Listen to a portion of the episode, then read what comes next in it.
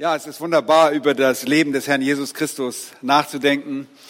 Ihr wisst, wir sind im Markus Evangelium und dieses Evangelium ist einfach wunderschön, wenn man sich damit beschäftigt, sich ansieht, wie gut der Herr Jesus Christus ist, wie er sich eine Gruppe von Jüngern auswählt, die er über eine längere Zeit hin begleitet, die bei ihm sein dürfen und die er zurüstet. Es ist einfach so schön zu sehen, wie geduldig unser Herr ist. Und man kommt in Staunen, dass er das mit diesen Typen aushält. Und das ermutigt mich, weil ich bin so ein ähnlicher Typ. Er hält es auch mit mir aus, mit meinen Versagen, mit meiner Sünde. Und es ist einfach so schön zu sehen, wie er mit diesen Männern vorangeht, wie wir das beobachten dürfen, dass wir dieses Dokument der Bibel haben dürfen und uns darauf verlassen können, dass es tatsächlich so geschehen ist, wie es dort auf den Seiten der Schrift steht. Das ist einfach schön. Und ich freue mich, dass ich euch heute wieder mit in diese Kapitel hineinnehmen darf. Lasst uns den Herrn bitten, dass er uns hilft beim Reden und beim Hören. Herr, wir beten dich allein an. Herr, wir sind geneigt dazu, uns selbst anzubeten. Vergib uns unsere Schuld, dass wir das tun. Wir wollen hier sein, weil du uns wichtig bist. Herr, wir wissen, dass dies unser Ort ist, an dem wir gehören, um dich anzubeten, dir die Ehre zu bringen, um uns zurüsten zu lassen durch dein Wort. Herr, die Belehrung aus deinem Wort ist so wichtig, dass wir nicht in die Irre gehen. Herr, denn auch dazu neigen wir, dass wir nur auf das sehen, was uns gehört und was wir denken. Und so bitte ich dich, erbarme dich unserer heute an diesem Nachmittag dass wir dein Wort verstehen, dass wir hören können, wie wahre Jünger hören. Und hilf mir auch in Klarheit zu sprechen, um deines Namens willen. Amen. Wir sind in Markus Kapitel 9 angekommen und es ist einfach so schön zu sehen, ähm, obwohl Jesus kurz vor seinem Tod steht und im Prinzip kurz davor steht, auch diese Jünger in ihren eigenen Dienst zu entlassen.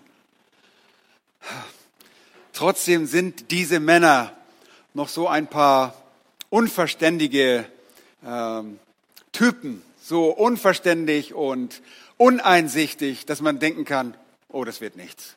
Jesus, wo ist, wo ist dein Plan B? Was ist, wenn das in die Hose geht? Was machst du dann? Nun, er hat nur diese Männer und er wird mit der Zurüstung dieser Männer zum Ziel kommen.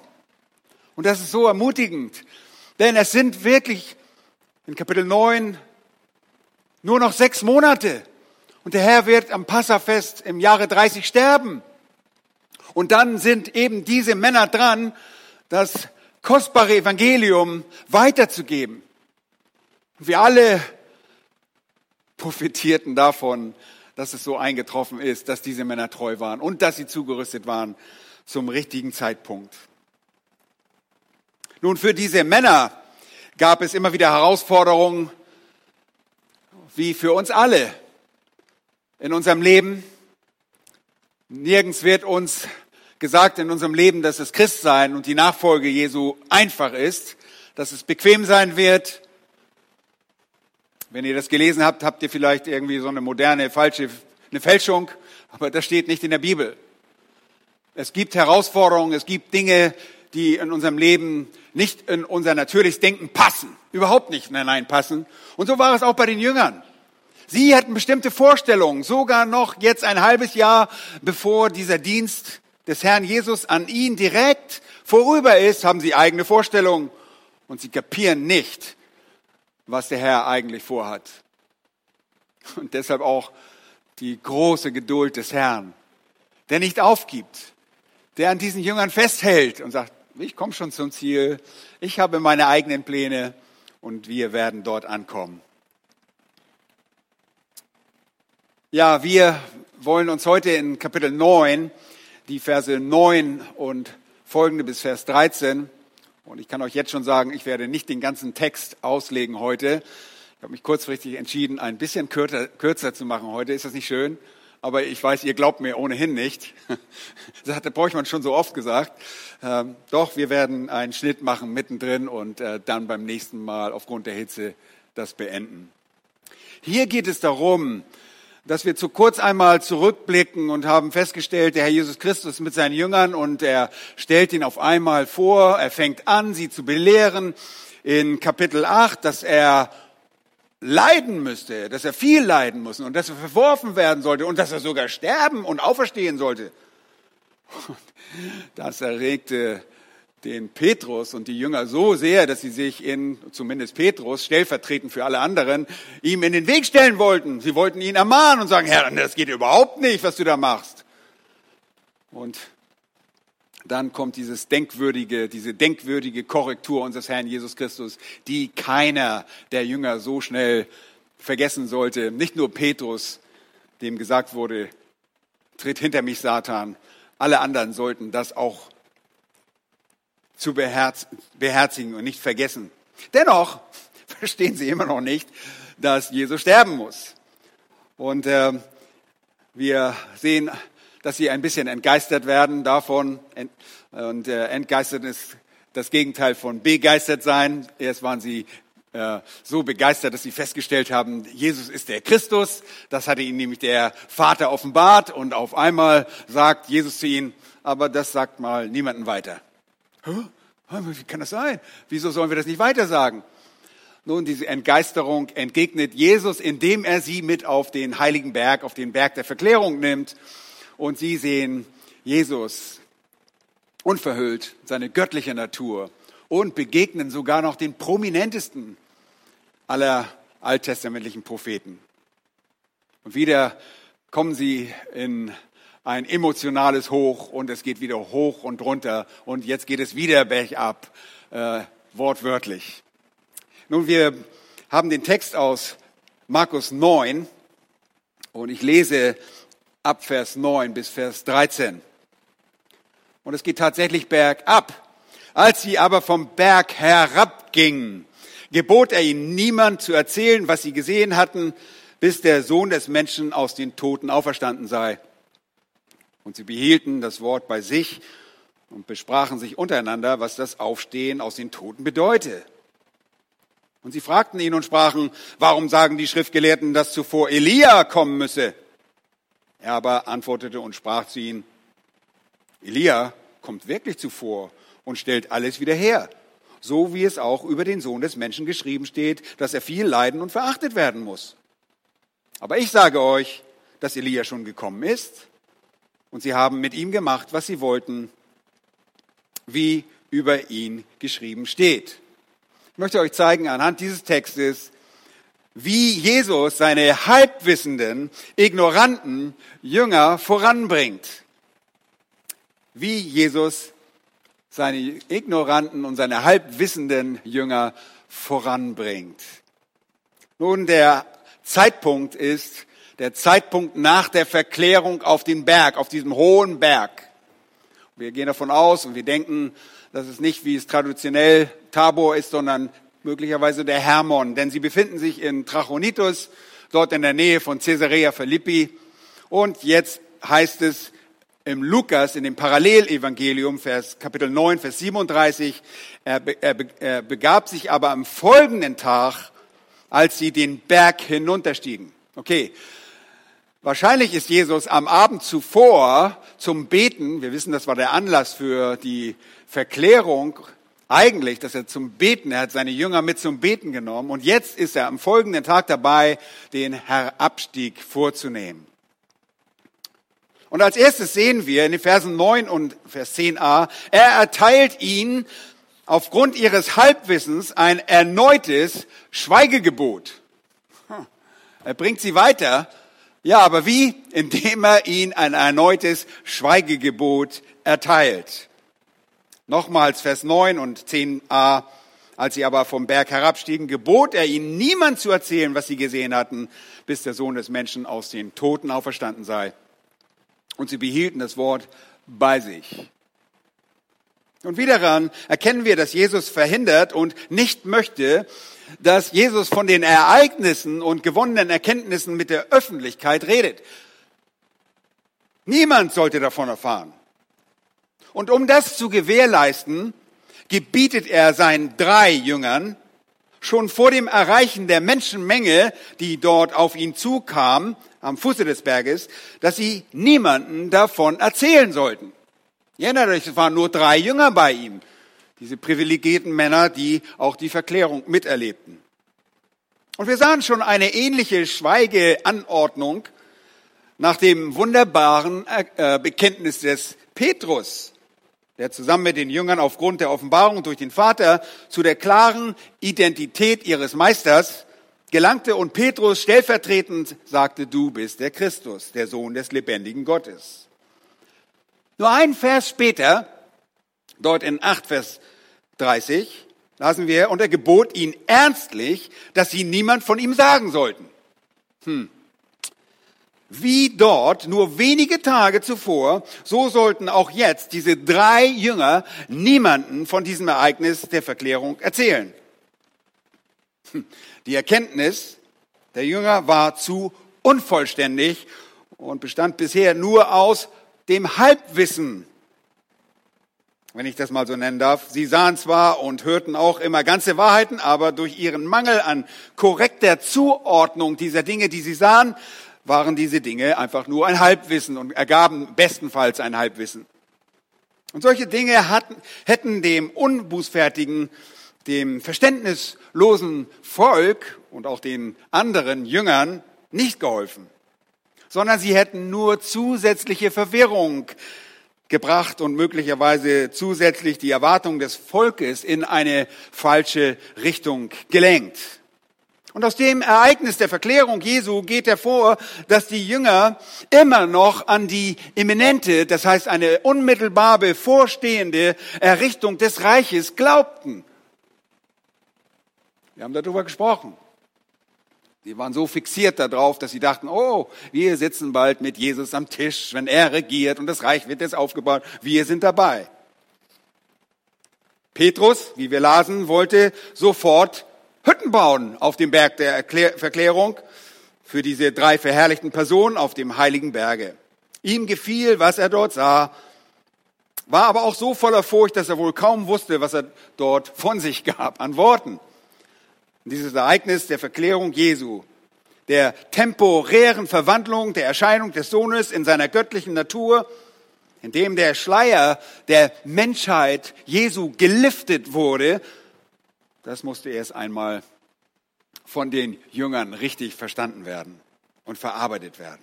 Und so gebietet Jesus ihnen noch während des Abstieges vom Berg nicht von dem zu erzählen, was sie dort auf dem Berg gesehen hatten.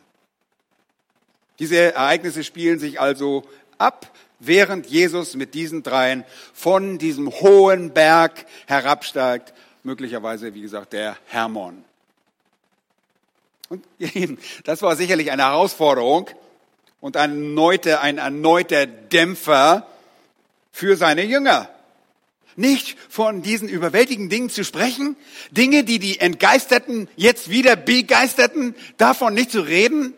Komm doch, Jesus, wirklich muss das sein, bitte nicht. Na, wir sind doch zu dritt. Wir erfüllen doch sogar das, das Gebot der, der, der Torah, dass wir, wir sind drei Zeugen. Das ist doch, hat doch sogar Gültigkeit, wenn wir davon reden. Warum denn nicht? Nun, das sagen sie nicht, aber das könnte man sich denken, oder? Kennt ihr dieses Verlangen, dass ihr die schönen Dinge im Leben, die ihr gerade entdeckt oder gesehen habt und auch unbedingt mit jemandem teilen wollt, damit ihr das mit jemandem zusammen genießen könnt? Diese Art von Verlangen sehen wir schon bei Kindern in der frühen Kindheit. Kinder wollen, dass wir an allem Anteil haben, was sie leisten, entdecken oder ausprobieren. Kennt ihr das? Natürlich kennt ihr das. Wir kennen das selbst als Erwachsene und das nicht nur von Kindern. Aber hier kommt nun diese Einschränkung. Es ist nicht ein absolutes, dauerhaftes Schweigegebot, sondern ein zeitlich beschränktes. Und sie sollten warten, bis wann? Vers 9b. Bis der Sohn des Menschen aus den Toten auferstanden sei. Nun, diese zeitliche Begrenzung ist für uns sofort klar. Dieser Begrenzer macht Sinn, alles klar. Wir wissen, was damit gemeint ist. Sie sollten noch ein gutes halbes Jahr warten. Dann durften sie dies nicht nur alles erzählen, sondern dann mussten sie sogar alles davon erzählen und viele andere Dinge mehr. Aber die Jünger hatten mit dem Verständnis der zeitlichen Begrenzung Schwierigkeiten. Wir schauen zurück. Sie sehen nach vorne. Für uns ist das Vergangenheit, für sie ist das Zukunft. Nun, das Gebot, das Gesehen nicht weiterzusagen, das verstanden sie sehr wohl. Und das hielten sie auch ein. Lukas gibt uns ein bisschen Einsicht. In Lukas Kapitel 9, Vers 36 heißt es, und sie schwiegen. Und sie sagten in jenen Tagen niemand von dem, was sie gesehen hatten. Unser Text sagt, und sie behielten das Wort bei sich. Und diese Worte bei sich zu behalten, bedeutet nichts anderes, dass sie sich damit beschäftigten. Sie beschäftigten sich mit diesem Gebot, dem Wort Jesu. Und es kam eine neue Verwunderung, was Jesus wohl mit der zweiten Hälfte seines Gebotes meinte, der zeitlichen Begrenzungsdauer. Nochmals, da steht, wie lange sollten sie, bis der Sohn des Menschen aus den Toten auferstanden sei? Was ist das so schwierig da dran? Ist doch logisch, oder? Ja, du und ich, wir verstehen das alles. Sie konnten die Worte auch im Einzelnen verstehen, aber nicht im Zusammenhang. Sie wussten, dass Jesus, wenn er von sich selbst sprach, gerne den Titel Sohn des Menschen verwendete. Und das tat er schon in Markus Kapitel 2, Vers 10. Da heißt es, damit ihr aber wisst, dass der Sohn des Menschen Vollmacht hat, und da spricht er von sich selbst. Auf Erden Sünden zu vergeben, sprach er dem Gelähmten, ich sage dir, nimm die Liegematte, äh, steh auf, nimm deine Liegematte und geh heim. Da benutzt er diesen Begriff. Das ist also nicht das Problem. Diese Begrifflichkeit aus dem Propheten Daniel bereitete ihnen keine Probleme. Was aber die Auferstehung aus den Toten bedeutete, das sollte sie jetzt herausfordern. Diese Worte behielten sie bei sich und sie machen was? Sie beginnen es zu besprechen. Wie bringt Jesus seine Jünger voran? Erstens, indem er ihnen aufgrund ihres Halbwissens ein erneutes Schweigegebot erteilt. Und zweitens, er überlässt sie vorübergehend ihren eigenen, ihrer eigenen Diskussion. Das ist interessant. Da heißt es dann in 10b, und besprachen untereinander, sie besprachen untereinander, was das Aufstehen aus den Toten bedeute. Seht ihr, die Jünger konnten die Worte im Einzelnen ganz bestimmt verstehen. Da ist nichts Kryptisches. Jesus verwendete keine außergewöhnlich äh, schwer verständlichen Worte oder fremde Vokabeln. Aber die Jünger konnten das Gesagte im Kontext mit ihrem Herrn im Zusammenhang mit dem neuen Christusbewusstsein, das sie ja gerade erlangt hatten. Sie haben gerade ihn identifiziert. Er ist der Christus. Das konnten sie nicht verstehen. Es war für sie einfach undenkbar, dass Jesus, der Christus, in dieser Phase des Lebens leiden, verworfen und auch noch sterben sollte. Das, das Auferstehen, das hörten sie gar nicht mehr. Da, da waren die, die, die, Ohren schon in der Hosentasche, habe ich euch gesagt. Da, da, die haben völlig abgeschaltet. Und dabei hatte ihnen Jesus gerade noch klipp und klar gesagt, Vers, Kapitel 8, Vers 31, was der bevorstehende Plan ist. Ganz deutlich. Und du denkst, Mann, was sind das für Typen? Haben die Oropax-Lager im Ohr? Was, was ist da los? in 38 hat er an, er fing an, sie zu lehren. Der Sohn des Menschen müsse viel leiden und von den Ältesten, den obersten Priestern und Schriftgelehrten verworfen und getötet werden und nach drei Tagen wieder auferstehen. Und ihr erinnert euch, Petrus hatte diese Worte Jesu zu dem Zeitpunkt dem Anschein nach klar verstanden, oder? Er hörte, dass der Herr leiden sollte, aber Petrus und die übrigen Jünger hatten vermutlich den Rest dieses Satzes nicht mehr gehört, sondern waren so empört und so aufgebracht, dass schließlich Petrus sogar den Herrn, den Christus, zurechtzuweisen begann. Hier kommt, nun kommen wir zu dem Sterben. In Vers 31 und da kommt jetzt noch eine weitere Angelegenheit dazu, das Auferstehen aus den Toten und sie suchten nach der Bedeutung für das Aufstehen aus den Toten. Darüber sprachen sie. Sie sind noch verwehrter. Jetzt, nachdem sie den verklärten Jesus und auch noch die prominentesten Propheten des Alten Testaments gesehen hatten, sollte da ihr Jesus, ich betone das, sollte da ihr Jesus noch sterben? Sollte Jesus dem Tod entgegensehen? Und das ganze Verhalten der drei Jünger in diesem Fall zeigt uns nur, dass sie die Bedeutung der Worte des Gespräches, das Mose und Elia mit Jesus über dessen Tod in Jerusalem äh, führte, völlig verfehlten. Der Gesprächsinhalt ging an ihnen vollkommen vorbei. Sie verstanden sie immer noch nicht, diese Worte. Und sie waren sicherlich so entgeistert und in Furcht über das, was sie auf dem Berg sehen konnten, dass das Hören dort zu einer Nebenfunktion wurde.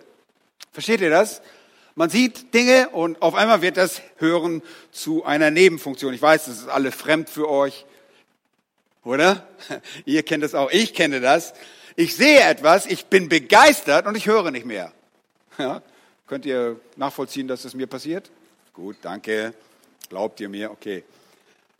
Und das ist geradezu bezeichnend, dass der Vater aus der Wolke deshalb zu ihnen sprach und sagte, dies ist mein geliebter Sohn, auf ihn sollt ihr hören.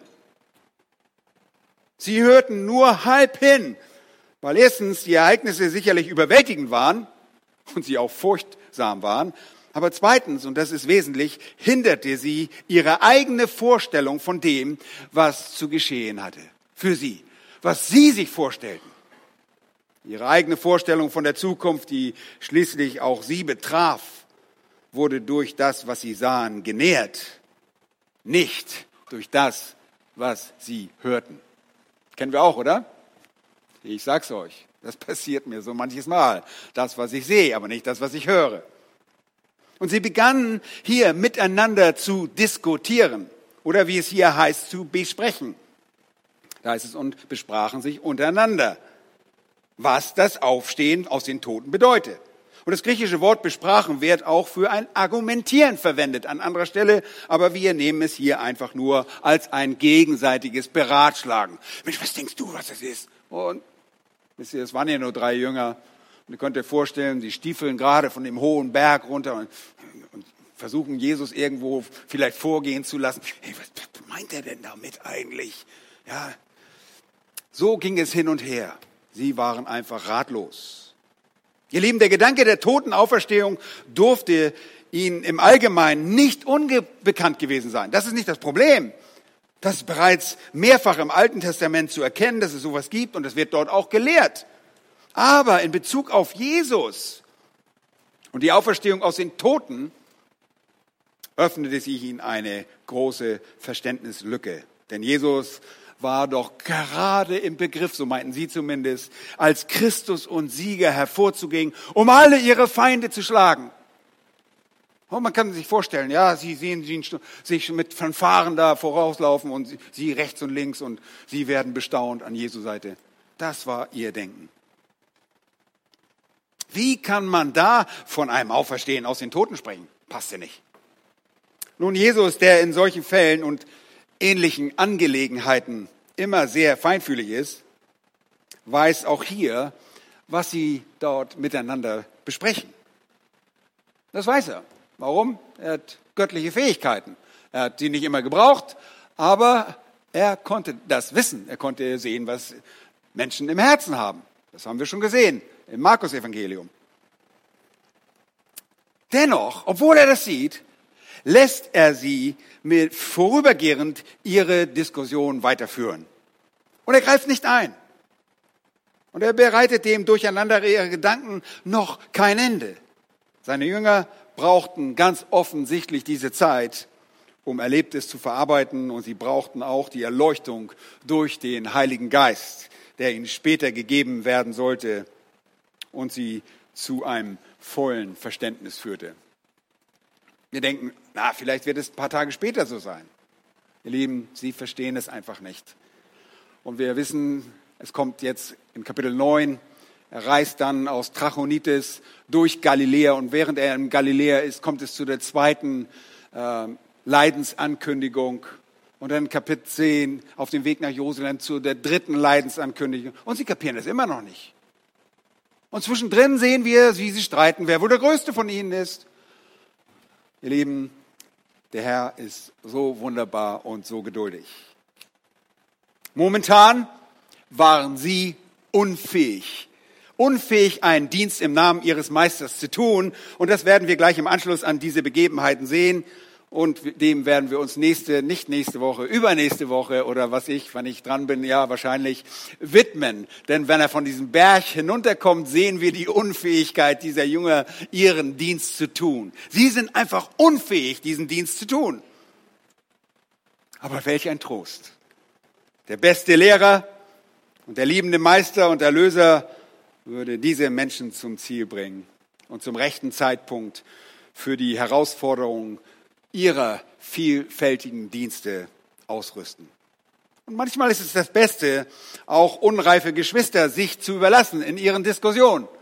Man überhört Dinge und sagt, okay, lass, lass sie reden, lass sie das reden. Es ist, nicht, es ist jetzt nicht so wichtig, da einzugreifen. Lass es einfach so gehen, lass es so gehen. Und das macht Jesus. Er lässt sie so gehen, aber er belehrt sie immer wieder neu. Und es gibt solche Fälle, wo man durch ein paar Worte wahrscheinlich noch mehr Chaos stiften würde. So auch hier. Und unser Herr macht das genau richtig. Wie bringt Jesus seine halbwissenden, ignoranten Jünger voran? Wir sehen erstens das Schweigegebot und zweitens, dass er sie diskutieren, sich miteinander besprechen lässt, was sie das Thema nicht, dass sie das Thema nämlich nicht erschließen konnten. Und das sieht zunächst sehr ineffektiv aus. Das ist doch nicht effektiv. Aber Jesus tut mehr als diese beiden Dinge. Der Text geht weiter und zeigt uns, dass er beantwortet drittens ihre brennende Frage mit einer erforderlichen, da war es noch eindeutiger, es ist erforderlich und eindeutig, es ist eine eindeutige Belehrung. Er belehrt sie ganz eindeutig, sie verstanden hinterher, was Sache war. Und das ist ermutigend. Da heißt es weiter in den Versen 11 bis 13. Und sie fragten ihn und sprachen, warum sagen die Schriftgelehrten, dass zuvor Elia kommen müsse? Er beantwortete und sprach zu ihnen, Elia kommt wirklich zuvor und stellt alles wieder her, so wie es auch über den Sohn des Menschen geschrieben steht, dass er viel leiden und verachtet werden muss. Aber ich sage euch, dass Elia schon gekommen ist und sie haben mit ihm gemacht, was sie wollten, wie über ihn geschrieben steht. Als erstes kommt jetzt die Frage in Vers 11. Die Frage in Vers 11. Die Schriftgelehrten, ihr Lieben, waren die was? Die Experten. Die Experten des Gesetzes des Tanachs dem Alten Testament und der jüdischen Tradition und sie führten die pharisäischen Gruppen an, die Gemeinschaften an und sie waren aufgrund der Auseinandersetzung mit der Schrift garantiert mit den Worten aus dem Propheten Malachi, diesem nachexilischen Propheten Malachi, vertraut. Und dort lesen wir sehr eindeutig in Kapitel 3, in die Verse 23 und 24, 22 bis 24, ich fange mal in 22 an, da heißt es, gedenkt an das Gesetz Moses, Malachi 3, 22 bis 24, meines Knechtes, das ich ihm auf dem Horeb für ganz Israel gegeben habe, an die Satzung und Rechte. Vers 23, siehe, ich sende euch den Propheten Elia, ehe der große und furchtbare Tag Jahwes kommt. Und er wird das Herz der Väter den Kindern und das Herz der Kinder wieder ihren Vätern zuwenden damit ich bei meinem Kommen das Land nicht mit dem Bann schlagen muss. Nun, das wörtliche ähm, und grammatisch-historische richtige Verständnis der Schriftgelehrten bei dieser Schriftstelle führte sie zu der Lehrauffassung, dass sie Elias kommen vor dem großen und furchtbaren Tag Jahwes einordneten. Sie verknüpften richtigerweise das Kommen des Messias an das Ereignis des schrecklichen Tages Jahwes. Nun schaut noch einmal genau hin. Dort steht, äh, dass Jahwe selbst der Sprecher ist. Er spricht von meinem Kommen. Wer ist das? Das ist Jahwe der Sohn. Das wird wiederholt im Alten Testament. Jahwe wird dort oftmals im Alten Testament als der Sohn bezeichnet. Nicht immer, manchmal der Vater, manchmal ist es der dreieine Gott, aber hier ist es der Sohn. Und die Schriftgelehrten verkündigten also anscheinend, dass der Messias bisher nicht gekommen sein sollte, da ja Elia noch nicht aufgetreten sei. Und deshalb ergeht jetzt auf die Frage der Jünger genau, geht auch die Frage der Jünger genau in diese Richtung.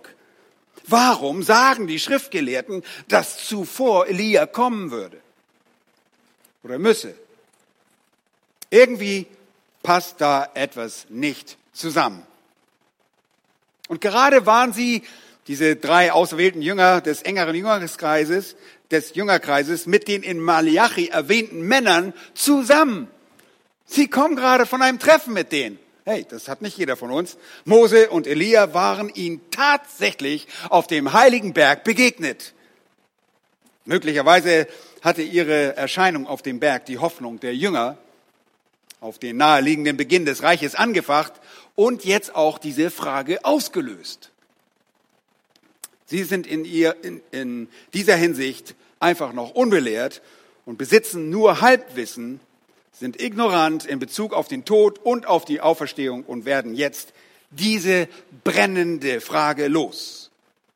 Und sie konnten sich nicht mehr direkt an Elia wenden.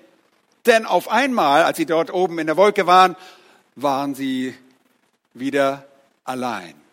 Die waren weg. Und sie konnten Elia nicht selbst fragen. Elia, kannst du uns mal kurz erzählen? Wir haben hier so eine brennende Frage. Wann kommst du eigentlich wieder? Nein, das war nicht mehr möglich. Sie mussten jetzt die Gelegenheit nutzen, denn sie sollten von dem Ereignis auf dem Berg in der Gegend von Caesarea Philippi niemanden erzählen. Und so mussten sie die Momente des Abstiegs nutzen, um Jesus danach zu fragen. Und auf Ihre Frage, ihr Lieben, kommt eine postwendende Antwort des Herrn Jesus. Eine dreiteilige Antwort, die ich euch nächsten Sonntag auslegen werde und ich euch heute schon beurlauben würde. Fall nicht um. Carola, bleib sitzen. Bleib sitzen. Ja. Ich erinnere mich vor vielen Jahren mit Christine. Ich habe in einer Gemeinde gepredigt und ich hörte nach 30 Minuten auf und ich sagte Amen und meine Tochter guckt, das war Christine, guckt meine Frau an und sagt, was? Schon zu Ende? so ist es. Wir sind zu Ende. Es ist heute heiß. Und wir brauchen für den zweiten Teil, für die Beantwortung dieser Fragen, wir gehen gleich noch raus zum Singen, aber äh, der Antwortung dieser Frage brauchen wir eure Aufmerksamkeit, brauche ich eure Aufmerksamkeit. Es ist nicht ganz einfach, aber es ist eine dreiteilige Antwort auf diese brennende Frage. Wenn ihr diese Antwort haben wollt und sowieso bitte seid am nächsten Sonntag hier, um den Herrn anzubeten. Lasst mich jetzt noch beten und dann gehen wir raus und singen noch zusammen Lieder im Garten. Das dürfen wir. Unser Herr Jesus Christus, danke dafür, dass du so ein guter Lehrer bist, der nie Fehler macht, der auch Dinge nicht übersehen hat, dem man niemals etwas ankreiden konnte. Herr, du hast geschickt gearbeitet und bist geschickt vorgegangen und bei all dem bewundern wir am meisten deine große Geduld. Und danke für die Ermutigung, die wir darin sehen, weil wir wissen, dass du mit deinen Jüngern damals geduldig warst, wissen wir auch, dass du heute mit uns geduldig bist. Danke, dass du mit uns da ankommen wirst, wo du hinkommen willst. Du bist nicht zu schwach. Wir sind es. Wir sind schwach und wir sind Versager. Aber du bist es nicht. Und du kannst uns Kraft deines Geistes auch dahin bringen, wo du uns haben möchtest. Und darauf vertrauen wir. Wir befehlen uns dir und deiner Gnade an, auch für die kommende Woche. Danke für deine Treue. Lehre uns, unterweise uns, denn wir sind darauf angewiesen. Wir wollen nicht in die Irre gehen. Wir lieben dich dafür und beten dich an. In Jesu Namen. Amen.